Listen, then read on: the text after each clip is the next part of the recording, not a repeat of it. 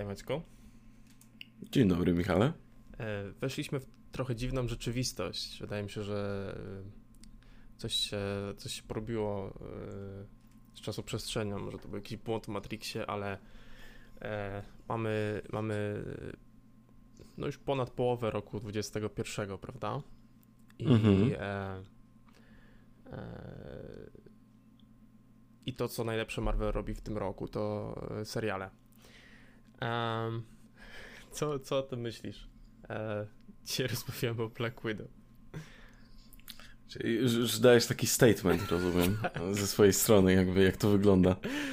E, nie, zdecydowanie. Ciekawe jest w ogóle, wiesz co, tak się wtrącę, ciekawe jest, co się dzieje wokół tego filmu. No bo nie nagrywamy tego, wiadomo, zaraz po premierze, tylko jakiś czas już ten. Mhm. E, po tym, e, nie wiem czy słyszałeś, ale Scarlett Johansson pozywa Disneya. Jak najbardziej. Odnośnie tego filmu. E, I, A, teraz jest to ciekawa rzecz. Tylko, y, jeśli ja dobrze rozumiem, może mnie poprawisz. Um, ten, ten film oprócz, oprócz dystrybucji takiej kinowej miał tą dystrybucję online, jeśli ktoś... E, na Disney+. Plus. Na Disney+. Plus. Jeśli ktoś miał dostęp do, e, do Disney+, Plus, e, subskrypcję Disney+, Plus, to mógł jeszcze dodatkowo za tam 30 dolarów chyba, mhm. w zależności od miejsca, e, kupić sobie dostęp po prostu do tego filmu. Tak. E, no i wychodzi na to, że według kontraktu Scarlett Johansson jakby ona nie, nie, nie miała żadnych zysków z tej dystrybucji online. I, i, i to e, znaczy, się rozchodzi, tak? E, rozchodzi się, znaczy, bo to wystartowało w ogóle z dniem premiery kinowej, wystartowało też na Disney Plus. Mhm. No i z tego co w ogóle wiemy, no to niezłą popularnością generalnie ten film się na tym Disney Plus cieszył. I kwestia jest taka, że y, ona miała w zapisie, że y, miała ileś tam procent e, zysków ze sprzedaży kinowej. Mhm. Mm, w ten, w ten konkretny sposób. I jako, że wypuścili to, wiesz, w tym samym momencie też na Disney Plus, to automatycznie aż tyle osób do kina na przykład nie no. poszło, no bo mogła, miała inną alternatywę i pozywa ich o to, że jakby yy, te zyski przez to ma yy, pomniejszone właśnie. No tak, no bo, bo mówiąc, tej dystrybucji online jakby ona tych zysków nie miała. No tak, tak, a miała mieć z tej kinowej. Znaczy, było już chyba e... dosyć jasne, że, że jakby Scarlett Johansson jakoś już rozchodzi się z Marvelem. Zresztą bodajże od pierwszego znaczy, nie jestem pewien. Um, w sumie gra już we wszystkich tych filmach. Um, znaczy wszystkich. Od drugiego. Od, od, Ironmana. od drugiego Ironmana, okej, okay, to Ta, dobrze poprawiam. Od drugiego. A od drugiego Ironmana już gdzieś tam pojawiała w Marvelu. A jest dosyć długo. No, znaczy, przynajmniej w założeniu, że, że, że, jakby śledząc tą, tą, tą, tą, tą, tą linię fabularną, tak, która jest jakby w tych filmach Marvela, no to e, Black Widow e, jakby w tym momencie nie żyje, nie? Jakby... E, no tak, tak, ale kto wie, no może mogłaby się pojawić, nie wiem, wiesz, tak gościnnie w kwestii jakiegoś, nie wiem, flashbacku czy czegoś. Czy no, inaczej, wydaje mi się, że na pewno Feige, Kevin Feige nie chciał zamykać totalnie furtki na jakiekolwiek projekty ze Scarlett Johansson właśnie. E, na troszkę to już no, zamyka to tak naprawdę, bo jest w konflikcie z Disneyem. Zresztą e, tam z tego co czytałem, Feige jest generalnie trochę wkurwiony na Disneya mhm. za to wszystko. To też się wiąże z tym, że w ogóle jest zmiana na tym najwyższym stanowisku w Disneyu. E, ten prezes Disneya, który był przez te nie wiem, 15 chyba lat on był, E, odchodzi już w końcu na emeryturę, bo cały czas ją przekładał i w końcu już odchodzi i ponawia, e, pojawia się jakby e, no, nowa osoba. I już zaczęły być troszkę takie głosy w tle, aż tak się tego wydaje mi się nie mówi.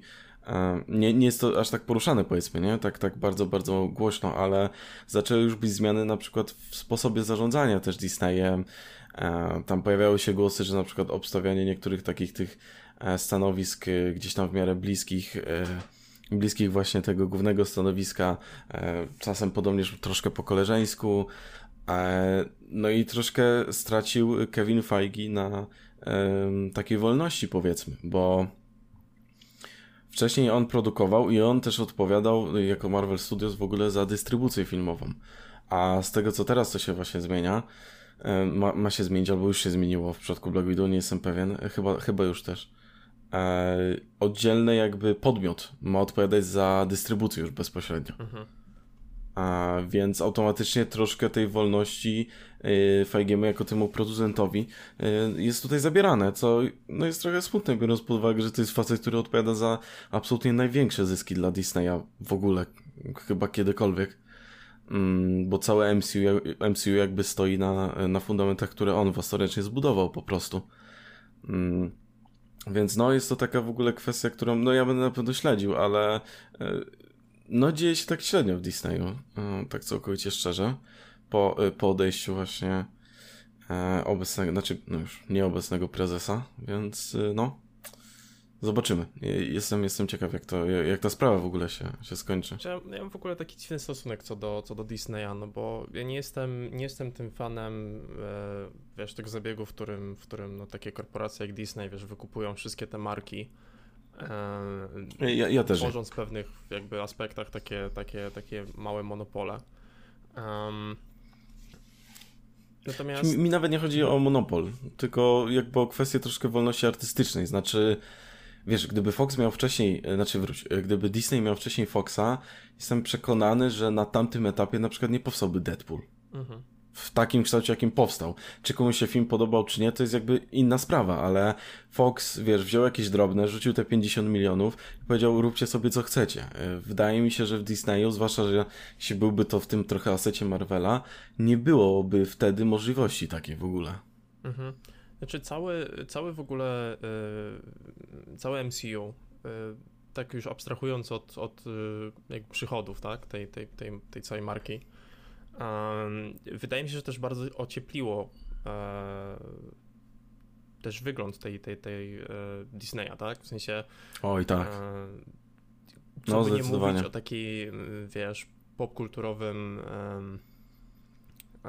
no nie wiem, E, do, do tym podejściu do, do tworzenia filmów, które, które, które MCU ma, e, no to wyszło bardzo dużo bardzo dobrych filmów, nie, z tego. Mhm. E, no i jasne, pojawiają się jakieś takie głosy, nawet od, od jakby innych reżyserów, to chyba Scorsese, gdzieś tam, gdzieś tam rzucał to jest... Że, że, że, MCU trochę psuje jakby ten, ten landscape. Z nim akurat to jest bardzo dużo tego, że miał ból dupy, wiesz, że nikt nie chciał dać 200 milionów na Irlandczyka.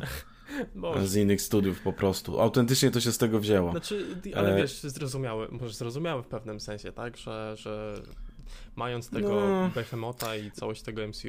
Czy zakładam, że są rzeczy, których Tylko, po prostu nie, nie, widać od tej strony produkcji, mhm. nie? Tylko z drugiej strony, wiesz, jeśli nazywasz te filmy parkami rozrywki, a nie a nie filmami, tylko że to jest właśnie taki parę rozrywki i to nic nie daje wartości filmowej, a jednocześnie mega się kumplujesz ze Spielbergiem, który stworzył taki film jak na przykład Park Jurajski, um, no to tak się zastanawiasz, jakby no z całym szacunkiem, ale no to trochę tak wiesz no, no widać, że płynie z tego troszkę taka po prostu gorycz, bo jeśli chodzi o tworzenie pewnego rodzaju parków rozrywki w kinie, to akurat Spielberg e, jest no naczelnym e, mhm. jakby reżyserem a tego. Ma też inne świetne filmy, ale te filmy takie bardziej blockbusterowe i takie właśnie e, entertaining, no to Spielberg, kurczę, no odpowiada za masę po prostu takich.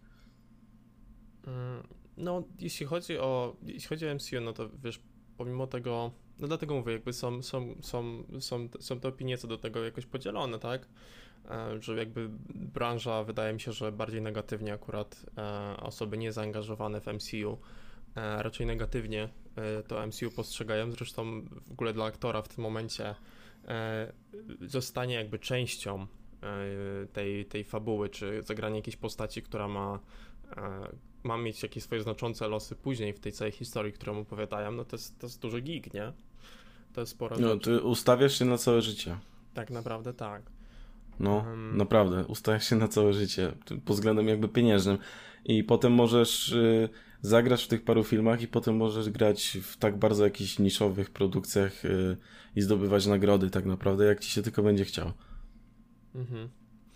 E, jeśli chodzi o Black Widow, e, mhm ja, ja z chęcią jeszcze bym porozmawiał trochę o kwestii Marvela. Wydaje mi się, że jakby te już nawet abstrahując od dzisiaj, tak, jakby może, może do tego tematu wrócimy, e, mhm. e, ale, ale omawiając jakby i skupiając się już tak może trochę bardziej na samym filmie, e, jak, jak go postrzegasz? E, jakie, jakie, jakie jest twoje ogólne wrażenie po obejrzeniu go? Ogólne, tak? E, wiesz co? ogólne wrażenie jest jest negatywne. Mhm. Znaczy e, do pewnego momentu to był naprawdę super film. Zresztą początek, pierwszy akt zapowiadał, że to będzie jeden z najciekawszych filmów MCU pod względem e, narracyjnym i pod względem w ogóle jakiegoś takiego klimatu. Zapowiadał jeden z tych takich mroczniejszych tych filmów tak naprawdę. Mhm. E, najmroczniejszy, znaczy no, e, tylko nie w znaczeniu Batman v Superman, tylko w znaczeniu takim e, ciężaru pewnej historii e, i tego, co za tym idzie.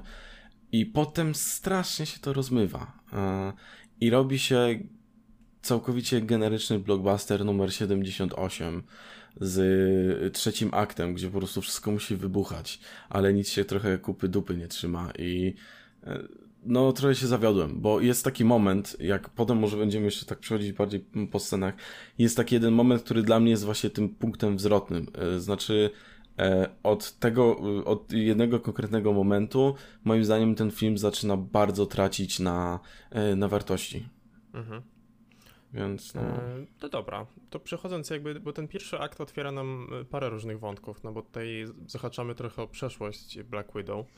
E, I tu mamy, wiesz, agentkę, która od, od, od młodości kompletnej, tak, była gdzieś tam szkolona do tego, żeby do, do takiej infiltracji do bycia agentką. No i poznajemy tutaj taką jej przybraną, tak, rodzinę, E, z którą, mhm. z którą prowadziła, e, prowadziła misję tam w wieku 7 czy 8 lat, tak? Znaczy bardziej e, te osoby, które udawały rodziców, no prowadzili tak, tak. tą misję. Czy ona też po części, ale jakby ona nie wiedziała do końca, od co, czego to, to mhm. dotyczyło i tak dalej. No tak, i tutaj też poznajemy jakby jej przybraną siostrę. Mhm. To była cała, całość tego jakby scenariusza. Musieli w pewien sposób grać tą, tą, tą rolę rodziny co jak się dowiadujemy dla niej też miało dosyć spore znaczenie, e, tak samo jak dla jej siostry, no, po prostu no, były w młodym wieku, tak? Mhm. Mm, dochodzi do jakby wykrycia ich kwestią tej misji, oni muszą uciekać, e, opuszczają Stany, e, wracają do Rosji. No i tutaj, tutaj jakby całe, no, jakby ich drogi się rozchodzą, tak? No jest jeszcze ten ważny moment lądowania na tej Kubie. Mhm. Bo, bo mamy tą sytuację, kiedy lądują na Kubie i e, potem ta osoba odpowiedzialna za ten projekt e, tych wdów, e, ten nasz główny jakby czarny charakter, e, on miał Drake'ów jakoś tak. E, tak. E, to on chce je zabrać z powrotem do dalszego jakby no, szkolenia, tak w dużym nawiasie to mówiąc, szkolenia no jakby do trochę zrujnowania życia de facto. No ale y, chce je zabrać i, i właśnie młoda Natasza nie chce jakby oddać y, tej swojej siostry.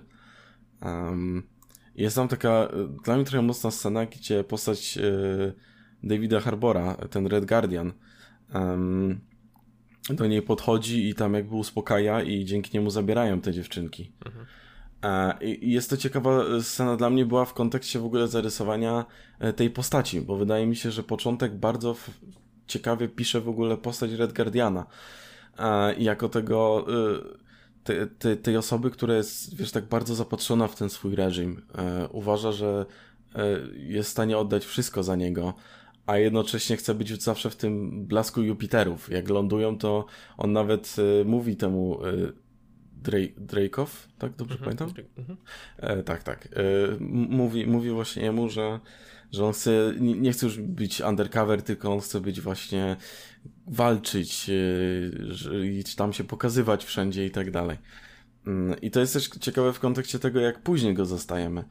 E, no ale w ogóle ta scena e, otwarcia, łącznie z tymi napisami e, potem, E, które mają miejsce, no to jest perfekcyjna po prostu sekwencja otwierająca. Znaczy, to jest e, sekwencja, która zapowiada naprawdę najmroczniejszy spośród filmów Marvela. Zwłaszcza po tym, co się dzieje podczas tych napisów początkowych, e, gdzie mamy po prostu i dobrze dobraną muzykę, i mamy pokazane, jak to wyglądało, jak te dziewczynki były w kontenerach, jak były wybierane, a resztę trzeba było się pozbyć później jak trenowały w tym Red Roomie, jak to wszystko wyglądało tak naprawdę, jakie to było, no, straszne i jest tam też ty, przy okazji tych napisów jest taka sekwencja, która też się łączy z tym, co one oglądają na telewizorze e, w połączeniu z ich treningami.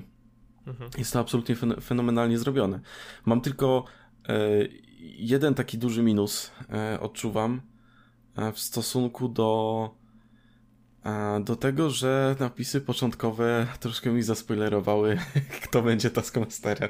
Nie, nie wiem, czy zauważyłeś, bo um, w trakcie napisów początkowych e, pojawia się nagle nazwisko, y, jak zawsze tam wymienia się tą główną obsadę, mhm. Olgi Kurylenko. Tak, tak. I miałem takie, o, wcześniej ona nie była w ogóle reklamowana, że jest w tym filmie. A później mamy wątek tej, e, tego dziecka, e, tej dziewczynki, e, córki tego Drake'owa. Mhm. I nagle, wiesz, nie, nie, jakby nie za specjalnie trudno było połączyć te wątki tak naprawdę, nie? Więc trochę XD pod tym względem, ale w ogóle to jest tak swoją drogą chyba pierwszy film MCU, który ma napisy na początku, a nie na samym końcu. I one tutaj działają troszkę jak na przykład te napisy początkowe w Watchmenach Zaka Snydera gdzie w trakcie tego mamy opowiadaną pewną historię. Tam mamy, w Watchenach mieliśmy opowiadaną tą historię troszkę upadku jakby tych bohaterów, a tutaj mamy e, opowiadane to, co się po prostu działo z tymi e, z tymi wszystkimi dziewczynkami, które były tam brane do tego programu. Nie, no powiem ci, że ja kompletnie nie wyłapałem, nie, tej, tej, tej e, Olgi. Nazwiska? Tak, nie, Aha, w ogóle. Okay. Um, znaczy, starałem się słuchać historii, bo że, bo, że po prostu nie mam już tak podzielnej uwagi. Um, ale tak wracając do tego Red Guardiana, no bo tutaj mamy w zasadzie do czynienia z postacią, która mm, jest taką, taką tą e, nawet nie rosyjską, tak, ale, e, ale radziecką wersją, po no prostu tak, sowiecką, no. sowiecką wersją e, Kapitana Ameryki. E, też gościa, na którym, e, którym eksperymentowano z tym, z tym jakby serum, tak. Mhm. I, i, i to jest ten drugi aspekt, który jest dosyć ciekawy, jeśli chodzi o tę postać. On tam e, kilkukrotnie na przykład wspomina jakieś spotkania e, z Kapitanem Ameryką, które jakby nigdy nie miały miejsca, bo, nie miały prawa tak, mieć tak. miejsca. Um, e, etc. Natomiast e, e, no tak, ten początek zakreśla nam takie bardzo bardzo czarne, e, ciemne, mroczne E, jeszcze jakieś słowo. E, złowieszcze. Um. No tak, mgliste. Mgliste. Zapowiada no. nam taki, taki rodzaj filmu, który, y, który rzeczywiście nawet pokazuje nam, y, czy ma wyjaśnić, dlaczego, y, dlaczego postać Czarnej Wdowy, czyli Nataszy Romanow, wygląda tak wreszcie filmów MCU. Mhm. Dlaczego, dlaczego ona jest tak intensywna, a mm, skąd, skąd jakby y, y, ten jej nieustający wyraz twarzy, taka, taka pokorowa wręcz twarz, tak? Mhm. Brak zaufania do innych, ten sposób działania. To jest no i to jakieś demony przeszłości po tak, prostu. Tak, tak. Bo to tam y, Joss Whedon próbował trochę nieudolnie to ugryźć w Age of Ultron. Y, o tamtym zapomnijmy, ale no E, ten film wydaje się, znaczy zapowiada, że chciałby coś takiego po prostu eksplorować. Zresztą też to, co dzieje się potem, bo e, po tej czołówce mamy e, nagle najazd właśnie już na dorosłą Nataszę i wchodzi nam w ogóle klimat, co bardzo mi się podobało. Wchodzi nam klimat na przykład filmów o Bornie, o trylogii Borna w dużej mierze. Nie, troszkę też Jamesa Bonda, zresztą E, pewnie e, tam mogłeś nie zauważyć, ale jak Natasza siedzi w tej, tej takiej przyczepie, ala, e, to to, co ogląda w telewizji, to jest jeden, jeden jakby z filmów z serii o Jamesie Bondzie. Mhm. Z, nie z Seanem Connery, tylko już z Rogerem Moorem. Mhm, mhm. Mooncracker, Moonwalker, coś jakoś tak. Nie pamiętam dokładnie tytułu, ale to w każdym razie tam właśnie ogląda, zresztą ona tam go zna na pamięć. Ale wiesz, pod względem tego, jak na przykład ten film się wizualnie prezentuje, tego jak wyglądają na przykład ujęcia, czy jakieś barwy w tym ujęciu, to miałem totalnie vibe właśnie jakichś Bornów. I miałem takie, okej, okay, w końcu dostaję film e, po Winter Soldierze, bo ja jestem sierotą straszną po Winter Soldierze. Mam takie, w końcu dostanę film, który może być podobny. Ta tematyka też będzie mocna. Super się zapowiada. Im dalej, tym gorzej, ale początek jest naprawdę obiecujący. E, no i niestety, no to jest ten pierwszy akt, który trochę wspominaliśmy, że jakby daje daje błędny obraz reszty tego filmu. Mhm. Um, postać Red Guardiana zamiast e, zamiast jakoś eksplorować tą tematykę e, tego zapatrzonego e, w ten reżim bohatera, i zdradzonego przez ten reżim. I zdradzonego dodajmy. przez ten reżim, który, który siedział w więzieniu. Dostajemy mhm. postać, która zostaje rolling joke'iem tego filmu. Tak, to jest comic relief, no, to jest Jar Jar Binks, kurde. Mm, bez, on nawet nie ma tutaj jakiegoś większego celu, nie? W sensie, yy, no. nawet w kontekście, yy, w kontekście fabuły, no, tam nie pojawia się on, yy, wiesz, jako taki ostateczny, na przykład, no nie wiem, ktoś, kto zwalcza tego Taskmastera, tak? W sensie, oni mają jakiś tam pojedynek, ale to jest zajęcie To akurat czasu. mi się podoba, że nie dał rady zwalczyć, ale co, dla mnie największy problem jest taki, że ja rozumiem, gdyby troszkę robienie z niego takiego um, powiedzmy pośmiewiska tej osoby, z której się robi często żarty, czy że on jest czasem taki goofy. Gdyby tego nie było aż tyle, byłbym w stanie to zrozumieć w takim kontekście, że budujemy postać, która wiesz, troszkę za tą maską zasłania e, przed sobą nawet e, niektóre rzeczy, do których no nie jest w stanie się przyznać. Mhm. E, I to miałoby sens, gdyby to było bardziej eksplorowane, ale wiesz, potem to jest już zrobione do ekstremum, tak? Jak, jak dostaje tą jedną strzałkę, która powinna go uśpić, on ma takie, o, nic mi to nie zrobi, nagle dostaje 50 i upada, haha. Albo jak y, mamy ten już ostatni akt, to tak przeskoczy na chwilę, są w tej bazie tego Drake'owa i y, on y, tam próbuje cały czas powiedzieć coś Nataszy, bo myśli, że ma słuchawkę w uchu, ale nie ma słuchawki w uchu. No kurczę, po co takie rzeczy? Naprawdę, znaczy, no totalnie, albo ten wątek, że świnia jest nazwana jego imieniem, ten, no, za dużo takich niepotrzebnych rzeczy, bo to jest postać, która autentycznie mm, była cholernie ciekawa na papierze. E, jak widzimy go z, z początku, skąd on startuje, w czasach jeszcze zimnej wojny, jak to wygląda i widzimy go potem. No, tak, no, no kurczę, to jest, wiesz, postać, która, idealna postać, która leży i, i, i, żeby ją podnieśli po prostu, a oni nie podnoszą. Film zaczyna się w momencie, w którym on jest jakby tajnym agentem, tak? Kimś, kto, mhm. kto, kto musi wykazywać się pewnego rodzaju sprytem, e, pewnego rodzaju podstępem, e, być w stanie udawać jakąś rolę, w której, w której nie jest. Tak, on tam ukradł przecież niego... jakąś dyskietkę tą i spalił jakiś w ogóle ośrodek badawczy. Tak, i robią z niego takiego młotka, nie? Który, który, tak. który chodzi i bije. Um, tragedia, no więc to, to tracimy w, tej kontekście, w tym kontekście. Tak, z Red Guardiana możemy odhaczyć. E, no. Wszystkie takie te, te mroczne wątki e, jakby to powiedzieć? Rozbywają się. E, tak, totalnie się nie. Są, nie, są, nie są pociągnięte, a jeżeli są pociągnięte i do nich wracamy, to są poprowadzone tak bardzo po macoszemu, tak? No, mamy... Do, do połowy filmu...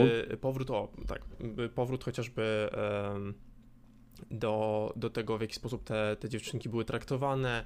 E, mhm. Mamy tą postać e, Taskmastera, czyli w zasadzie Antoni e, Drake'ow.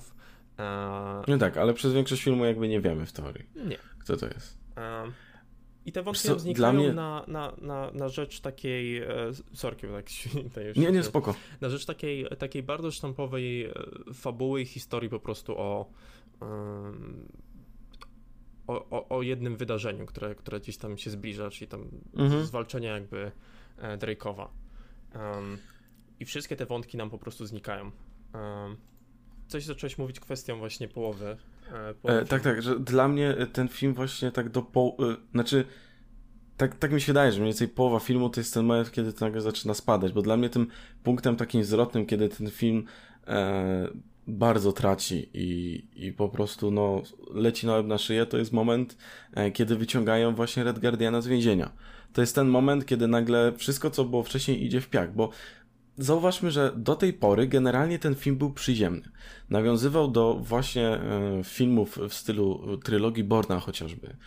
E, Natasza była prezentowana jako faktycznie, wiesz, osoba z krwi i kości, tak, która nie jest torem, e, która no dostaje, która musi brać te leki przeciwbólowe, ma te siniaki, mamy, mamy sceny, które to pokazują, ale potem to ona kurwa zamienia się w jakiegoś superbohatera, w sensie jakby była Spidermanem, jak ratuje z tego więzienia, czy w tym trzecim akcie. Nagle wiesz, to jest zupełnie zapominane, pomimo tego, że film sam to wcześniej trochę poruszał, że ona jest po prostu człowiekiem. e, to nagle film o tym totalnie zapomina i ona jest po prostu jednoosobową armią, tak? Jest, jest, jest pieprzonym Torem czy Kapitanem Ameryką, gdzie no, mówmy się, no, nie, nie o to chodzi w tej postaci. Co więcej, e, na przykład to, jak właśnie w tej pierwszej połowie ogrywana jest taka, taki żal. Taki żal połączony trochę z gniewem odnośnie po pierwsze Red Roomu i tego, tej całej historii, a drugie, no to jest moment po Civil War, gdzie Avengersi się rozpadają i po prostu y, wiesz, y, Scarlett Johansson ugrywa to strasznie na twarzy, te emocje po prostu, które stara się zamykać, ale które czasem się częściowo wyłamują, po prostu widzisz to, że to ją tam gdzieś żera od środka. Mm, postać Taskmastera w pierwszej połowie jest bardzo ciekawa, a potem to w ogóle on znika w którymś momencie, jakby zapominamy o nim. To trochę XD, tak swoją drogą. Mhm. Ale na początku on jest bardzo ciekawy, bo pojawia się na tym moście e, i mamy to pierwsze starcie właśnie z, e, z Black Widow, z Nataszą Romanow, gdzie mamy Taskmastera, który jest pokazany jak po prostu demon, e, który, przed którym no, jedyne co możesz zrobić to uciekać bo, bo nie dasz na niego rady. To jest coś takiego, co cię zawsze będzie goniło i ty zawsze musisz uciekać. I to jest super ugrane na tej scenie, gdzie, no oprócz tego, że on oczywiście kopuje te różne style walki i fajnie to zobaczyć, połączone te różne style, ale bardziej jakby co jest y, interesujące, to to jest y, ta, y, to jest to coś, co ma jakiś cel i nic go przed tym celem tak naprawdę nie powstrzyma.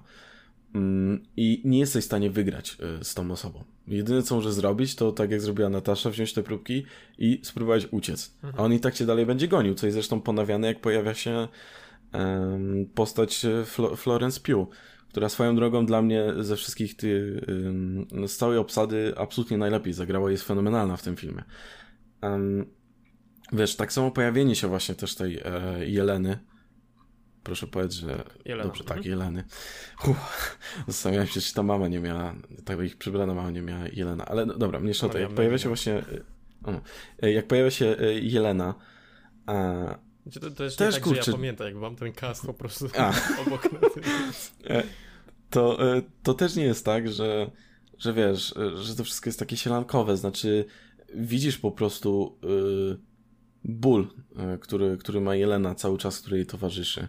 Te sceny akcji są zaskakująco dobre w pierwszej połowie filmu, kiedy są właśnie trochę bardziej przyziemne i one są takie mięsiste, aż mi się kojarzy na przykład um, Winter e, Soldier chociażby, gdzie po prostu e, czujesz każdy ten cios. Kiedy jest ta walka na moście Nataszy z Taskmasterem, czujesz każdy ten cios, to wszystko, co się dzieje. Kiedy jest ten moment, kiedy właśnie Natasza bije się z Jeleną na początku, też po prostu czujesz to wszystko, jak, e, jak po prostu wiesz, jedna zostaje rzucona na przykład na jakieś drzwi i tak dalej, że ciężko jest, się, jest e, jej się trochę podnieść. E, wiesz, no, że, że to jest po prostu krwiste. To, a nie jest to takie plastikowe, jak często te sceny akcji potrafią być w filmach Marvela, nie oszukujmy się. I w ogóle w tych małych pomieszczeniach są zaskakująco dobrze kręcone, znaczy, jasne, mm, są cięcia, ale cięcia nie zawsze oznaczają, że to jest coś złego, bo dobre cięcia, jakby jeśli nadal utrzymują akcję i jakby potrafimy śledzić mniej więcej co się dzieje, to dodają też dynamiki. Mhm. A... Zaczepiasz o ciekawy temat, um, który, który trochę zaczęliśmy nawet ostatnio rozmawiając o, o Nobody, kwestii, kwestii scen akcji, nie? Mhm. Bo ja mam wrażenie, że tutaj przy tworzeniu tego filmu w którymś momencie po prostu padł komentarz w stylu nie no, to jest za nudne. Nie no, potrzebujemy trochę więcej, nie? Bo to, tak, żeby zainteresować widza Marvela w tym momencie mhm. po prostu potrzebujemy więcej i stąd e, stąd y, mamy te, te sekwencje, e, e, które, które nagle przestają być tak przyziemne. Stąd mamy masę wybuchów. A, no, tak naprawdę, od, od, tego więzienia, tak mi się wydaje, to jest jakby tak ten jak moment. nawet Winter Soldiera, nie? Wiesz, to jest jakby moment, w którym, e, w którym wszystkie te pojedynki, wszystkie te sceny akcji są takie przyziemne, to jest najlepszy moment na to, żeby, żeby właśnie złapać naszą uwagę. E, żeby pokazać tak, nam dokładnie. akcję, która, którą, którą jesteśmy sobie w stanie wyobrazić, e, bo nie są to, wiesz, bohaterowie latający i strzelający laserami, tak? Mhm. Stąd, tak, tak. I, stąd ten kurczę, początek, no. cały ten pierwszy akt, no zajebiście fajnie zapowiada ten film. No i trochę tego drugiego, no w ogóle ta akcja w Budapeszcie też jest super, znaczy właśnie to spotkanie tej Jeleny, e, to jak one się docierają, później to ucieczka przed tymi wdowami i Taskmasterem, gdzie tam jest troszkę więcej akcji, bo jest ten pościg e, samochodowy, ale on jest cholernie dobrze nakręcony.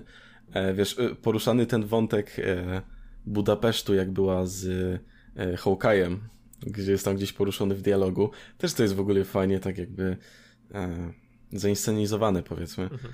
Mm, I wtedy też pojawia się właśnie ten motyw po prostu tego, że musisz uciekać. Że jest ta postać, której no nie przeskoczysz i musisz uciekać i one tam się chowają w tym szybie wentylacyjnym. I to jest takie właśnie bardziej przyziemne, gdzie masz wrażenie, że to bardziej będzie skupione właśnie na rozwiązaniu jakiejś sprawy, zdemaskowaniu tego wszystkiego, co się dzieje. A po tym Budapeszcie właśnie postanawiają uratować tego e, Aleksieja, Red Guardiana i no i wtedy właśnie film się już wywala, e, moim zdaniem, bo ta akcja w więzieniu jest tak przesadzona i tak e, over the top po prostu właśnie. E, to jest ten moment chyba, w którym stwierdzili, musimy dodać więcej akcji, wybuchów i CGI, bo, bo to jest ten moment, nie? Bo, bo mamy pieniądze na to, także musimy to wrzucić, żeby było dużo. No i od, od tego momentu film moim zdaniem no, traci bardzo, a szkoda, bo Naprawdę ta mniej więcej pierwsza połowa jest absolutnie fenomenalna. Naprawdę, jest świetnym filmem. Traci jakąś taką swoją tożsamość i wydaje mi się, że właśnie o tyle, o ile większość filmów, wydaje mi się, tak jak Marvela, mogą, mogą wydawać się dosyć podobne, czy, czy jakby, że jakieś są takie schematy, które się w tych filmach powtarzają, e, to naprawdę raz na jakiś Zwłaszcza czas... do Endgame, prawda? No bo tak, mieli tak. jakiś plan, który musieli zrealizować. Mm, natomiast y, wydaje mi się, że naj, najfajniejsze rzeczy, które wychodzą, wychodzą właśnie wtedy, kiedy, e, kiedy, kiedy te filmy mają jeszcze jakąś swoją tożsamość, tak? E, kiedy nie jest, jedyną, e, nie, nie jest jedynym celem wyprodukowania tego filmu, tak jak mi się wydaje, tak? Utrzymanie po prostu mhm. naszej uwagi co do marki, i wrzucenie jakiegoś czegoś, co ma, wiesz, dać nam payoff później po prostu e, taka, wiesz, przedłużona gratyfikacja, nie? Która mm, tak, wydaje okazji, mi się, że to też kwestia... E, wiesz, produkuje masę takich mniejszych filmów, e, które same jakby same jako film nie mają jakiegoś meritu, mają sens tylko i wyłącznie w kontekście MCU. E, mm. I to jest średnie. No, w sensie... Wydaje... No. To, jest, to jest po prostu, to jest taki moment, gdzie, gdzie zgodziłem się, że po prostu e, to są momenty, kiedy MCU nie działa, nie? Kiedy mhm. dostajemy takie filmy jak właśnie Black Widow, które mają opcję na to, żeby, żeby były czymś innym, czyli na przykład w tym wypadku mroczną jakąś fi wersją filmu e, e, o Bondzie, tak? czy, Albo czy tak. Bardziej Born mi się nawet kojarzy. No. czyli, czyli takie, takie bardziej przyziemne kino akcji. No, mamy, mamy Black Widow, Nataszę, która jest, e, która jest jakby tajnym agentem jest tutaj mhm. masa motywów, które możemy z tego jakby wyciągnąć, ale żadne nie jest wyciągane na potrzeby zrobienia czegoś, co, co, jest, co jest według, według studia po prostu bezpieczniejsze, nie? Tak, no i y, to jest, to jest w tym najgorsze właśnie, bo e, no kurczę, ten, ten początek właśnie poruszanie kwestii tego Red Roomu, tego wykorzystywania, wiesz, tych dzieci, jest kwestia nawet przecież zabierania po prostu od matek i wpajania, że niby te dzieci zostały wyrzucone na ulicę. Mhm. Bo y, według jakiegoś tam programu e, stwierdzono, że te dzieci mają największy potencjał. A nieraz było w tym filmie poruszane na początku, że kurczę, no niech wezmą 100, 7, 7 dziewczyn z tych 100 przejdzie to szkolenie tak naprawdę, przeżyje. No i to są takie rzeczy, że to bardzo uderza po prostu tutaj i, i można by to świetnie rozbudować i tego nie biorą. Mówię, jak, jak wchodzi właśnie to więzienie, to skręcamy w stronę y, po prostu robimy klasycznego jakiegoś blockbustera y, i lecimy w stronę tego generycznego filmu MCU, czyli tych, y, tych no słabszych po prostu mhm. z, z jakby całej tej stawki i strasznie się to rozmywa. No i ten oczywiście tragiczny trzeci akt. Co do właśnie jakiejś tożsamości, wydaje mi się, że to może też ja nie widziałem e, nie widziałem filmów tej reżyserki, E, żadnych innych. E, ale mogę tak zaryzykować i powiedzieć, że wydaje mi się, że to jest też może kwestia reżysera. E, mhm. osoby, która odpowiada za ten cały projekt, bo jakby zastanówmy się, jakie filmy z MCU wybijają się najbardziej, tak generalnie obiektywnie, o których się wspomina najczęściej. No są to filmy braci Russo, które na przykład pod względem akcji czy, czy y, prowadzenia niektórych bohaterów są cholernie interesujące, tak? Czyli mamy Winter Soldier, Civil War, Infinity War, Endgame, jeśli chodzi o te już te wielkie widowiska. Mamy film Taiki Waititiego, gdzie Taika Waititi, pomimo tego, że robi film za grubą kasę i no jest to taki pewnego rodzaju produkt i nie masz aż tyle po prostu wolności kreatywnej, był w stanie przemycić jakieś, wiesz, e, swój sznyt po prostu, ten swój sznyt komediowy, wizualny przede wszystkim. To jak ten film się wizualnie prezentuje i muzycznie. No, fenomenalny. E, Guardians of the Galaxy, część ten, volume, e, volume 1 e, od Matko Jedyna. Zapomniałem reżysera. O nie, dobra, kontynuuję, ja znajdę. Dobra. On teraz Suicide Squad zrobił, James Gunn. James Dobra, Gunn. Mam... James Gunn tak. od, od Jamesa Gunna tak samo. No, wrzuca jakiś swój sznyt. Czuć, że czuć przy jakich projektach na przykład wcześniej częściowo pracował, nie? E, e, i, I po prostu no, to są te filmy, które najbardziej się wybijają w MCU. I wydaje mi się, że to może być też kwestia tego, żeby reżyser pomimo tego wszystkiego, że to jest gigantyczna produkcja, jest masa osób i no za, musisz zamknąć się w pewnych ramach, bo inaczej nie zrobisz blockbustera po prostu, bo cię studio wypieprzy, mm, byli w stanie wrzucić część siebie do tych filmów. Wydaje mi się, że jak tutaj wchodzi to obligatoryjne musi być to i to, czyli mniej więcej właśnie od tej sceny z więzieniem, to wydaje mi się, że po prostu tutaj reżyserka nie jest w stanie wrzucić części siebie w jakikolwiek sposób. Mhm. Tak mi się wydaje, bo, bo ten film robi się w tym momencie bardzo taki, no, przezroczysty, bezbarwny. Mm, no jestem ciekawy, jak to, jak to wygląda z zaplecza i czy rzeczywiście tam pojawiły się jakieś głosy, że, e, że nie wiem, że musi się pojawić trochę więcej akcji na przykład, że ta akcja ma jakoś inaczej wyglądać, czy... E, czy, czy często tak może nie? być, wiesz? Bo pamiętajmy, to są przede wszystkim filmy Kevina Feige, który jest producentem, a dopiero potem są to filmy tych konkretnych reżyserów. Mhm. I kiedy Scott Derrickson miał kręcić drugą część Doktora Strange'a, e, powiedział, że to była kwestia większej właśnie kontroli kreatywnej. Marvel nie mógł się na to zgodzić, więc Scott Derrickson odszedł od tego projektu. Mhm. E, czego bardzo żałuję, bo y, z chęcią bym zobaczył ten bardziej horrorowego Doktora Strange'a, bo to jest facet, który zrobił takie filmy jak na przykład Sinister pierwsza część, który jest naprawdę dobrym filmem i piątą część Hellraisera, który która jest naprawdę ciekawa. W sensie Hellraiser to jest seria, która ma pierwsze dwa naprawdę, zwłaszcza pierwszy film jest super, drugi jest dobry, potem już można trochę zapomnieć, ale ta piąta część jest y, pewnego rodzaju też odświeżenie w ogóle dla serii i zupełnie patrzymy z innej perspektywy. I jest to ciekawa część. I, I naprawdę jest spoko.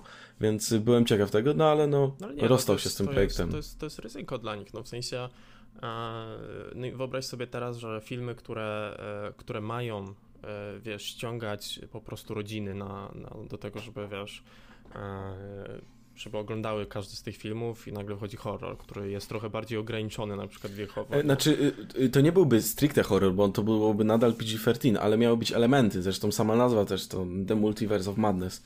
Miały nawiązywać do do tych kwestii, które dzieją się na przykład w komiksach z Doktorem Strange'em, gdzie mamy przykładowo potwora, który jest wzorowany na przykład na Katulu hmm. i, i, i, tego typu. Więc... No tak, ale mówię, no, to cały czas byłoby po prostu bardziej ryzykowne, tak? I, i danie tej, tak, tak, no. tej kreatywnej wolności zabiera ten motyw, że, że to jest kolejny film, który wiesz, dla, dla mnie to jest, to jest ta, ta dobra i ta zła część tego, tego jak, jak jak, jak MCU, wiesz, prowadzi to.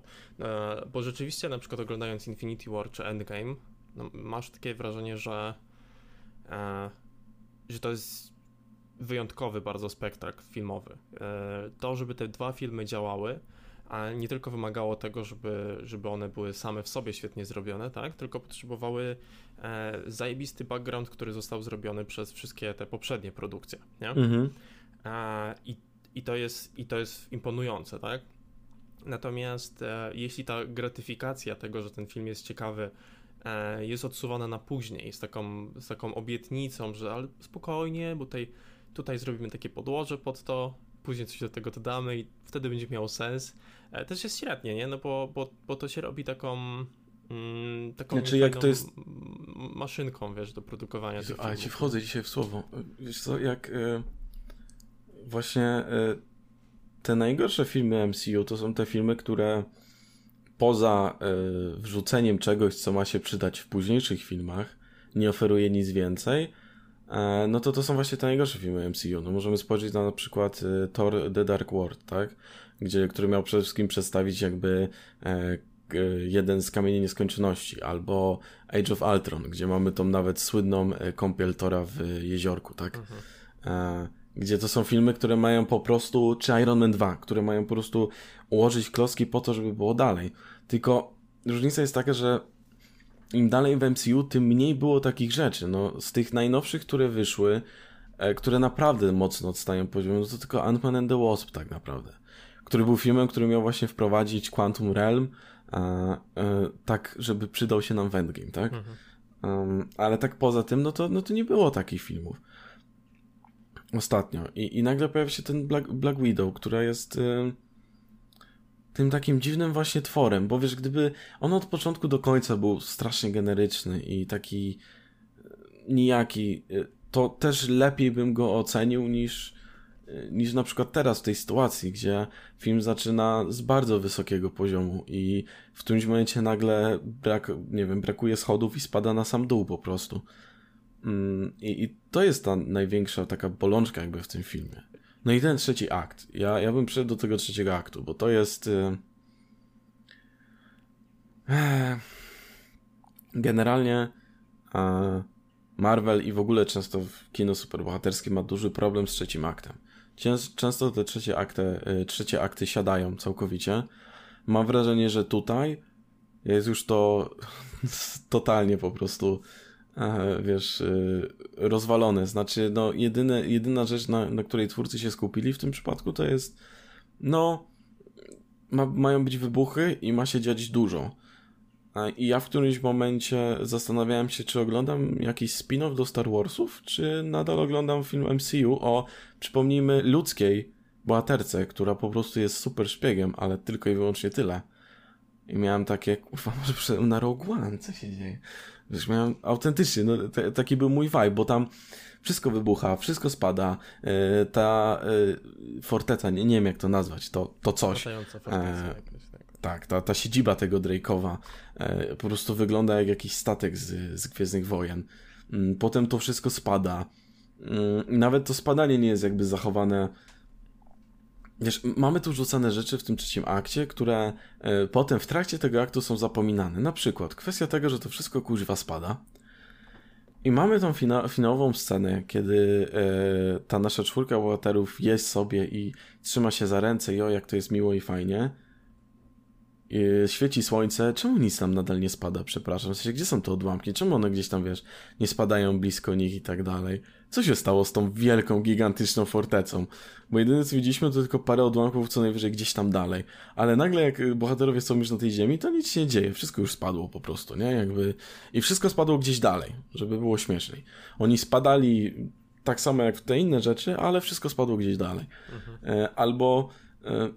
ja rozumiem, że to miał być trochę taki cool zabieg, jak otaczają Nataszę te wszystkie samochody em, generała Rossa, które mają niby pojmać. I potem mamy ucięcie, jest ta scena, kiedy ona po prostu jest gdzieś randomowo i wypożycza ten jet zaraz przed e, Infinity War. Mhm. Masz takie, kurde, to jest zwykły człowiek, który e, tak, złamała se nos, dostała straszny wpierdziel od tych wszystkich wdów, prawie ją zabiły. Potem spadała z tego, e, z tej Gwiazdy Śmierci, Home Edition. E, I na sam koniec jeszcze spadając walczyła z Taskmasterem, uratowała swoją e, siostrę, uratowała Taskmastera i ona potem wszystkim jeszcze otoczyły ją 50 samochodów. Mam uwierzyć, że jeszcze im wszystkim najebała i potem uciekła po drodze, w sensie, wiesz, mam takie, co jest?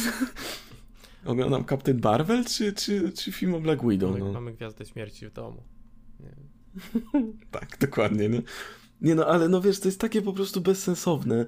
Y, autentycznie, y, tam co chwilę wszystko wybucha w tym trzecim akcie. Nie masz mm, ani jednego momentu na oddech. mnie głowa aż bolała po prostu w trakcie tego trzeciego aktu. Mhm. Znaczy już czułem się przytłoczony totalnie tym wszystkim. E, autentycznym mm. problemem, e, wiesz, w związku z tym, że ten pierwszy akt otwiera no, opcję na to, że ten film po prostu będzie super, mhm. E, jest to, jak duże zawiedzenie po prostu czujesz w trakcie oglądania. I tutaj jest ogromne. Naprawdę Mm, wiesz, jeszcze nawet wracając trochę do, do tych pozostałych postaci w tym filmie, David Harbour tutaj gra, gra tego Red Guardiana, nie? No to jest mhm. gość, który e, w Stranger Things e, grał policjanta, który też miał być takim gościem, który wiesz, jest, jest dosyć prosty, tak? W sensie bezpośredni, E, wiesz, e, widzi gwóźdź, to mhm. jest młotek, wiemy o co chodzi, nie? Mhm. E, ale nie jest debilem, nie jest, nie jest takim kompletnym idiotą, nie jest kompletnie... Nie, nie jest comic reliefem przede wszystkim. Tak, nie, albo przynajmniej nie jest tak robiony kosztem jakoś tej postaci. Nie dość, że on tam super tą postać gra, to ona w, tam, w tamtym miejscu jest po prostu, wiesz, jest likable, da się, da się ją lubić, da się E, da się jakoś jej, e, śledzić jej akcje i pomimo tego, że czasem właśnie ma tendencję do tego, żeby e, pójść w stronę prostych rozwiązań, to one też czasem działają, bo czasem to jest po prostu jego intuicja, nie? Mhm. I ten, ten materiał jest kompletnie zmarnowany. Mamy tutaj też postać tej Meliny, to jest ta, ta ich matka, która ciężko mi powiedzieć, jaką, jaką rolę miała być specjalnie w tym filmie. Czy to miała być rzeczywiście tylko ta E, Moim zdaniem ona jest po prostu yy, przybłędą po początku, wiesz? I Troszkę tak, musimy ją gdzieś fabularnym, wcisnąć. E, tak, mamy, po prostu. Wiemy, bo... czemu, czemu ona się pojawia, jest ten taki motyw, też kolejny trochę zmarnowany tego, tego spotkania tej rodziny z powrotem, e, mhm. w której ci, ci rodzice jakby wydają się być kompletnie ambiwalentni co do, co do wiesz, co do, co do całej tej sytuacji, co do... Tam się jedyna broni w Florence Pugh. Autentycznie. Tak, tak. I, i uwaga. Zresztą ona naprawdę świetnie zagrała. tak, bo chciałem też do tego przejść. To jest też jedna z takich rzeczy, które chyba pierwsze, pierwsze mi się rzuciły i pamiętam, że jak e, wyszliśmy z seansu, to chyba była jedna z pierwszych rzeczy, które zauważyłem. Jakby świetnie, świetnie, e, świetnie ona zagrała e, i jest taką najbarwniejszą postacią w ogóle w tym filmie. Mm, I niestety, no muszę to przyznać, jakby widzimy po scenie tej końcowej, że, że, że, że ta postać Jeleny ma się jakby później pojawić mhm. że prawdopodobnie to jest e, jakaś postać, Będzie kolejną w sensie, wdową. Tak, ma, być, ma zastąpić po prostu e, Nataszę Romanow e, w kontekście tej fabuły. E, no i niestety muszę stwierdzić, że w kontekście przedstawienia tej postaci, e, o ile jakby całość tego filmu to jest fail, no to, no to ja ją kupuję, tak? W sensie e, e, jestem ciekawy, jak ona będzie, wiesz, wypadała później i, i szczerze jest dużo barwniejsza dla mnie niż, niż nawet E, Natasza Romanow, biorąc pod uwagę, że to tak. backstory po prostu było nie, nie, kompletnie nierozwinięte. Znaczy, problem jest taki, że ona często była pisana trochę inaczej, w zależności od różnych filmów e, i rzadko była pogłębiana, była troszkę tym dodatkiem. Jedyny film, który jakoś tak autentycznie bardziej w nią wnikał, no to był Winter Soldier tak naprawdę. E, no i potem Endgame oczywiście. Mhm. To, to są jedyne dwa filmy, które jakoś bardziej rozbudowywały tą postać. Ale E, tak, no w ogóle Florence Pugh to jest e, super aktorka. E, autentycznie jest naprawdę świetna w każdej roli. no i, kupuję tą postać. To, to jest prawda. Kupuję tą postać. Zobaczyłbym kolejne filmy z jej udziałem. Cieszę się, że też na pewno dostała pokaźny czek, więc będzie mogła sobie grać w kolejnych na przykład filmach Harry'ego Astera. Więc y, pod tym względem super. Zastanawiam się zastanawiać, gdzie, gdzie, gdzie właśnie e, oglądałeś się tak ostatnio, gdzie, gdzie ona się pojawiała, ale tak pierwsze co zobaczyłem to Midsommar. E... Tak, yy, ona była fenomenalna w Midsommar, ale wiesz co, ona grała jeszcze dość istotną rolę e, w takich ostatnich filmach. To było e, Małe Kobietki, chociażby był ten taki film, który był zaskakująco dobrym filmem z nie zapasami, tylko wrestlingiem E, nie pamiętam jak on się nazywał, ale ona też tam po prostu gra główną. O tak, tak. Ona, ona też tam gra główną postać. Mm. Więc w każdego rodzaju ról jakby ona się odnajduje autentycznie. I w tych poważniejszych, i w tych, no, tych takich luźniejszych powiedzmy.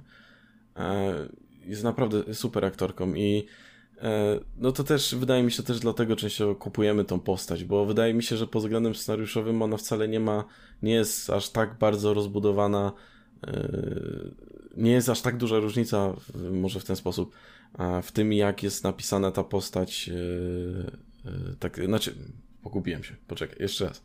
Jest jest bardzo podobnie napisana do postaci Nataszy w tym filmie. O, w sensie jeśli chodzi o to, ile, ile ma czasu na rozbudowę tej postaci. A, o to mi chodziło. I, I po prostu wydaje mi się, że ona wyciąga stąd e, najwięcej, najwięcej ile może po prostu. E, w tym trzecim akcie. Wiesz, scenariuszowo no? może, e, może też mamy trochę więcej okazji. Wiesz, mamy te momenty, kiedy widać na przykład, że ona e, też była młodsza w tamtym czasie, tak? Ale że trochę, mhm. trochę bardziej emocjonalnie w ogóle podchodzi do tego kontaktu. No, dla niej to było prawdziwe wtedy. Tak, tak. E, do, do właśnie tej, tej, tej rodziny przybranej, do, e, do postaci Nataszy jako swojej siostry, nie? A ona dosyć jasno to zakreśla i ze względu na to, że jest to fajnie zagrane, to tym bardziej wydaje mi się, że, że jakby, to się, jakby to zaznacza, nie? Mhm. No, przy tym. E, w kontekście jeszcze do tego trzeciego aktu, tak wrócę. E, te sceny akcji właśnie w ogóle od drugiej połowy filmu są naprawdę średnie. W sensie no, wybuchy w CGI i w sumie tyle. E, wszystkie jakiekolwiek sceny walki i tak dalej są, są słabo zrealizowane. Jest tylko jeden taki moment, który jest zrealizowany w ogóle z jednym ujęciem, gdzie jakby kamera śledzi właśnie postać Jeleny. To jest kiedy ona tam się dostaje do windy jakby w Gwieździe Śmierci Home Edition i podcina jakiegoś tam typa i go tam ogłusza. To jest jedyna taka scena, jak, taka sensowna właśnie w trzecim akcie tego filmu, gdzie naprawdę no, mamy takie jedno ujęcie, po prostu śledzimy właśnie Jelenę i, i kamera podąża jakby stricte za nią. Więc y, no tak, tak poza tym, no to wybuchy, wybuchy, w sumie jeszcze raz wybuchy praktycznie. Ten film nie jest też konsekwentny. No, mamy właśnie te momenty na początku, kiedy ta Natasza tak obrywa, e, ma te siniaki, musi brać te przeciwbólowe i mamy na przykład ten trzeci akt, gdzie wbija y, masę tych wdów i one ją tam okładają i po prostu zaraz po tym nagle wstaje, biega, skacze, lata i nic się nie dzieje. Nic, nic się nie stało po prostu. To, że one ją tam biły y, jakiś czas i w ogóle rzucały nią jak szmatą po tym pokoju, to to jakby nic się, nic się nie stało, nie? W sensie easy. E, mój wtorek, nie? Więc y, wkurza mnie to. W sensie, no, autentycznie się zawiodłem. Jeszcze biorąc pod uwagę właśnie to, co ten film oferuje e, w tej pierwszej połowie, a to, co jest nam potem dawane. Mhm. I mogę powiedzieć, że no, y, boję się trochę o ten kolejny film MCU. Znaczy, wiesz, e, część rzeczy można było też wybaczyć do tego Infinity War, do tej wielkiej kulminacji, że te niektóre filmy są robione bardzo podobnie, tak, że mają podobną strukturę, narrację i tak dalej, i tak dalej. E, można było to wybaczyć, bo te filmy i tak trzymały, nie schodziły poniżej pewnego poziomu, to jest pierwsza sprawa, a druga, no, to też było taki build-up do czegoś większego.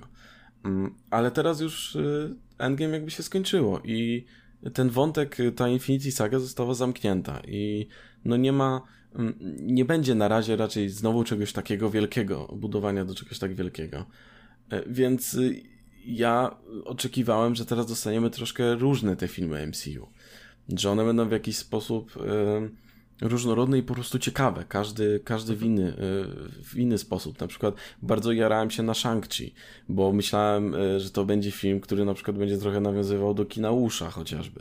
Widziałem trailer, wygląda jak klasyczny film MCU. Okay, więc y, tak samo Eternals. No, y, po prostu boję się o te kolejne produkcje, bo na tym etapie robienie mm, tej tak zwanej, tej mitycznej, klasycznej formuły Marvela no już nie wystarczy. Znaczy, chcemy dostać coś innego w końcu. No. Ja przynajmniej chcę dostać coś innego, bo mm, już nie, nie, nie mamy żadnego build-upu do jakiejś sagi, która trwała 11 lat. Tylko y, tylko mamy to już bardziej poluzowane. Będziemy eksplorować więcej świata tak naprawdę, e, niż było to przedstawione tutaj, więc dajcie mi też filmy, które będą różnorodne na swój sposób. Mhm. I całkowicie szczerze, jeśli, bo pierwsi będą teraz chyba Eternals. Jeśli Eternals będą podobne jak na przykład Black Widow, No to ja już chyba nie czekam na razie na te kolejne filmy MCU. Znaczy no na, na 100% e, to nie, te, te, te, kolejne realizacje, nawet jeśli te filmy wrócą znowu do tego motywu e, jakiejś takiej fabuły, która przechodzi pomiędzy tymi filmami, jakiegoś takiego większego wątku, to po prostu nie może być to samo. E, e, no i druga rzecz, wydaje mi się, tak, tak mi się takie mam przynajmniej e, przeświadczenie, może błędne, bo, bo jakoś mega dużym fanem komiksów nie jestem, ale wydaje mi się, że taką ciekawą rzeczą dotyczącą komiksów jest właśnie to, że wiesz, możesz mieć różnych autorów, którzy biorą pod, pod swoje ręce jakby jakieś konkretne IP, E, jakiegoś konkretnego superbohatera, czy, czy tworzą jakieś IP, tak? I, i dodają coś mhm. nowego do tego świata. To, że później. Oczywiście. E, wiesz, mamy kulminację tych wszystkich wydarzeń, to to jest, e, to, to jest połączenie trochę tego wszystkiego, co się pojawiło przedtem. E, mhm. Tutaj nie, nie wymaga to jakiegoś planowania z góry, bo to właśnie to planowanie z góry trochę zabiera nam e, tą opcję e, no takiego jak to nazwać, takiego bardziej naturalnego tworzenia tej historii, tworzenia tego świata. Mhm. Co nadal jest wyjątkowe, nie? Jeśli chodzi o, o, o kino. Ja tak wspomniałem trochę i wydaje mi się, że, że kwestią tych seriali, nie? E, że naprawdę najlepsze, co ostatnio oglądałem, to były te seriale, które wychodziły w ramach Disney+, nie? Mhm. No już nie wspominając, że w ogóle dostęp do tych filmów jest dosyć ograniczony i jakby e, mm, mieszkańcy serial. do tych seriali, tak, mieszkańcy Europy trochę jakby dostali Tej wschodniej, no bo no. Holandia na przykład to zachodnia już ma, z tego co wiem. A, super. Tak, no fajnie, nie? Fajnie, no super, dzięki Holandii. Ale... Jakby dwa lata już czekamy. Dwa lata już. Wszystko, co fajne ma Holandia. Um... Jebać Holandię. Jebać Holandię. To będzie przekaz z tego. E, no wiesz, dostaliśmy, dostaliśmy trochę gorsze traktowanie kwestią tego. E, e, nie, nie zalecam szukania innych źródeł na znalezienie tych filmów oczywiście. E, jakieś VPN czy coś. E, ale, e, ale, ale no tak, jakby najciekawsze, co ostatnio widziałem naprawdę, to były te seriale i one miały jakąś taką swoją tożsamość, nie? Tak, bo nawet jeśli miały były na przykład y, nieidealne, czy miały gorsze momenty, tak, tak. Ja, ja nawet... czy takie momenty spadku, to były y, różnorodne przynajmniej. To tak. jest coś, co doceniam. E, Jeśli film jest słaby... WandaVision zaczyna no? się niesamowicie ciekawie z, jakby z, tymi, z tymi różnymi Oj, cholernie. Y, sitcomami, no. jak to jest poprowadzone. E, końcówka niestety trochę wraca do tego samego, czyli wiesz... E... Te dwa ostatnie odcinki były straszne no, dla mnie. Ale... No, no, były dosyć słabe. Tu, tu klasyczna ta formuła, taka Marvelowa plus, e, plus y, dorzucenie jakiejś rzeczy do następnej części historii, co nie? Mhm. które tam było wymagane. E, Falcon i Winter Soldier chyba, chyba najbardziej się kojarzą właśnie, właśnie z Captain America Winter Soldier, nie? Te klimaty takie bardziej a, tak, no, to, to, jest, y, to jest moje zaskoczenie w ogóle roku, nie? W sensie... Ja słyszałem, słyszałem podzielone opinie, byłem zdziwiony, ale ten, film, ten serial jakby był, był świetny i... E... Znaczy ten serial i tak jest bardzo dobrze przyjęty, pamiętajmy o tym, mm -hmm. one wszystkie są bardzo dobrze przyjęte. E, ale, ale, ale ja byłem zaskoczony, no bo, bo, bo, bo i jakby y, cała ta historia też świetnie pasowała do tego formatu serialu, tak? Który tak jakby tam każdy odcinek miał po prostu po godzinie.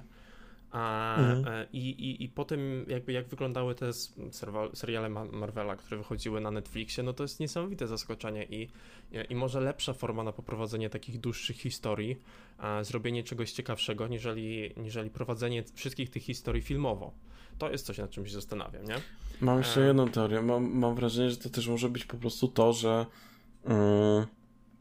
yy, że te seriale mogą mieć większą swobodę, bo aż tyle na przykład nie zmieniają. Yy, nie, nie wszystkie. Wydaje mi się, że właśnie na przykład Loki e, troszkę cierpi na tym, że on bardzo mocno zmienia status quo MCU. Bo umówmy się, tam jest, dzieje się gigantyczna zmiana. E, zwłaszcza jakby na sam koniec to wszystko, co się dzieje. I, I na przykład tam czułem troszkę e, mniej częściowo takiej swobody i, i, też mi nie siadł tak całkowicie. Znaczy, podobał mi się, ale no nie podobał mi się tak na przykład jak Falcon Winter Soldier. Mam wrażenie, że na przykład właśnie Falcon Winter Soldier to jest ten serial, który per se najmniej jakby zmieniał. E, w tym takim, wiesz, wielkim e, kosmicznym planie MCU, mhm. gdzie, gdzie właśnie mogli najbardziej się pobawić, zwłaszcza scenariuszowo, bo moim zdaniem największa siła tego serialu tkwi właśnie w scenariuszu w tym, że ta historia naprawdę i jest zamknięta w tym jednym sezonie i jest y, cholernie dobrze poprowadzona. Znaczy mamy zamknięcie y, najważniejszych wątków, dopięte to jest na ostatni guzik. Tym mniej, y, mniej ważnych też się mniej więcej nieźle całkiem dopina. No i na przykład nawet te sceny akcji są, są naprawdę silnie poprowadzone. Kwestia tego nowego niby kapitana Ameryki, właśnie tego żołnierza to, jak on jest napisany, bo umówmy się, w wielu serialach on byłby y, takim typowym vilanem po prostu, a tutaj jest zupełnie inną postacią, jest na przykład postacią bardzo rozbudowaną i, i no, nie, niejednoznaczną. Mhm. E, więc na przykład takie mam wrażenie właśnie z tymi serialami, że e, im mniej jakby one zmieniają w skali kosmosu, tym, tym więcej, tym na więcej można sobie pozwolić po prostu i wtedy moim zdaniem dostajemy po prostu właśnie lepsze, e, lepsze te produkty. Mhm. No dobra, cieszę się, Projekty, że mogliśmy... nie produkty, sorry. E, no. no. produkty, no jakby też działa. to Cieszę się, że mogliśmy trochę porozmawiać w ramach tej Black Widow po prostu o Marvelu i tym ostatnio co się dzieje. E, kwestią tego. No ale podsumowując sam ten film, e, jak, jak, jak ty byś go ocenił?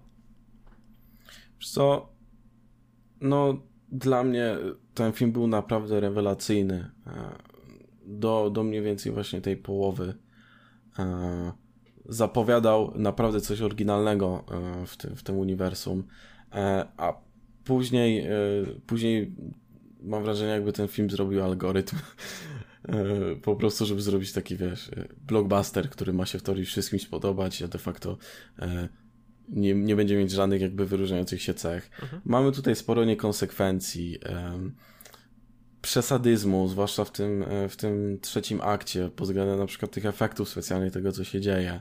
Zapominamy troszkę o budowaniu tych niektórych postaci. Ta postać Red Guardiana jest kompletnie zmarnowana. Taskmastera w sumie też, bo on po prostu znika nagle i pojawia się na końcu randomowo na chwilę.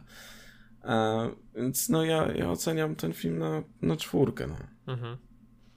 E, no tutaj się zgadzamy kompletnie, bo, ode mnie to też jest czwórka. E, I dla Aha, mnie, y, znaczy ja się oczywiście zastanawiałem właśnie nad trochę wyższą oceną, czy, czy to jest na pewno fair właśnie w kontekście tego, że e, pierwsza, jak wyglądała tak naprawdę pierwsza połowa tego filmu, nie? Mhm.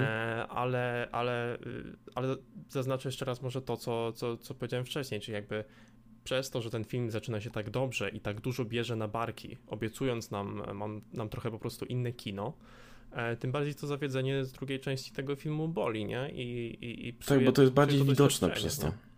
E... Tak, to jest bardziej widoczne po prostu, jeśli mhm. film się nagle wywala, mhm. a był bardzo, bardzo dobry. A niestety e, nie, nie, jesteśmy w stanie oceniać filmu w kontekście e, po prostu pierwszej samej połowy, czy pierwszej, czy, czy drugiej tak, połowy, oczywiście. tak? E, to jest może taki privilege, który dostają seriale, gdzie, gdzie któryś odcinek może być trochę gorszy po prostu, e, ale nadal nie wpłynąć może na cały odbiór tego. E, ale w tym kontekście dla mnie to też będzie czwórka, więc, więc godnie dajmy czwórkę Black Widow. Miejmy nadzieję, że Marvel sobie poradzi z tym okresem.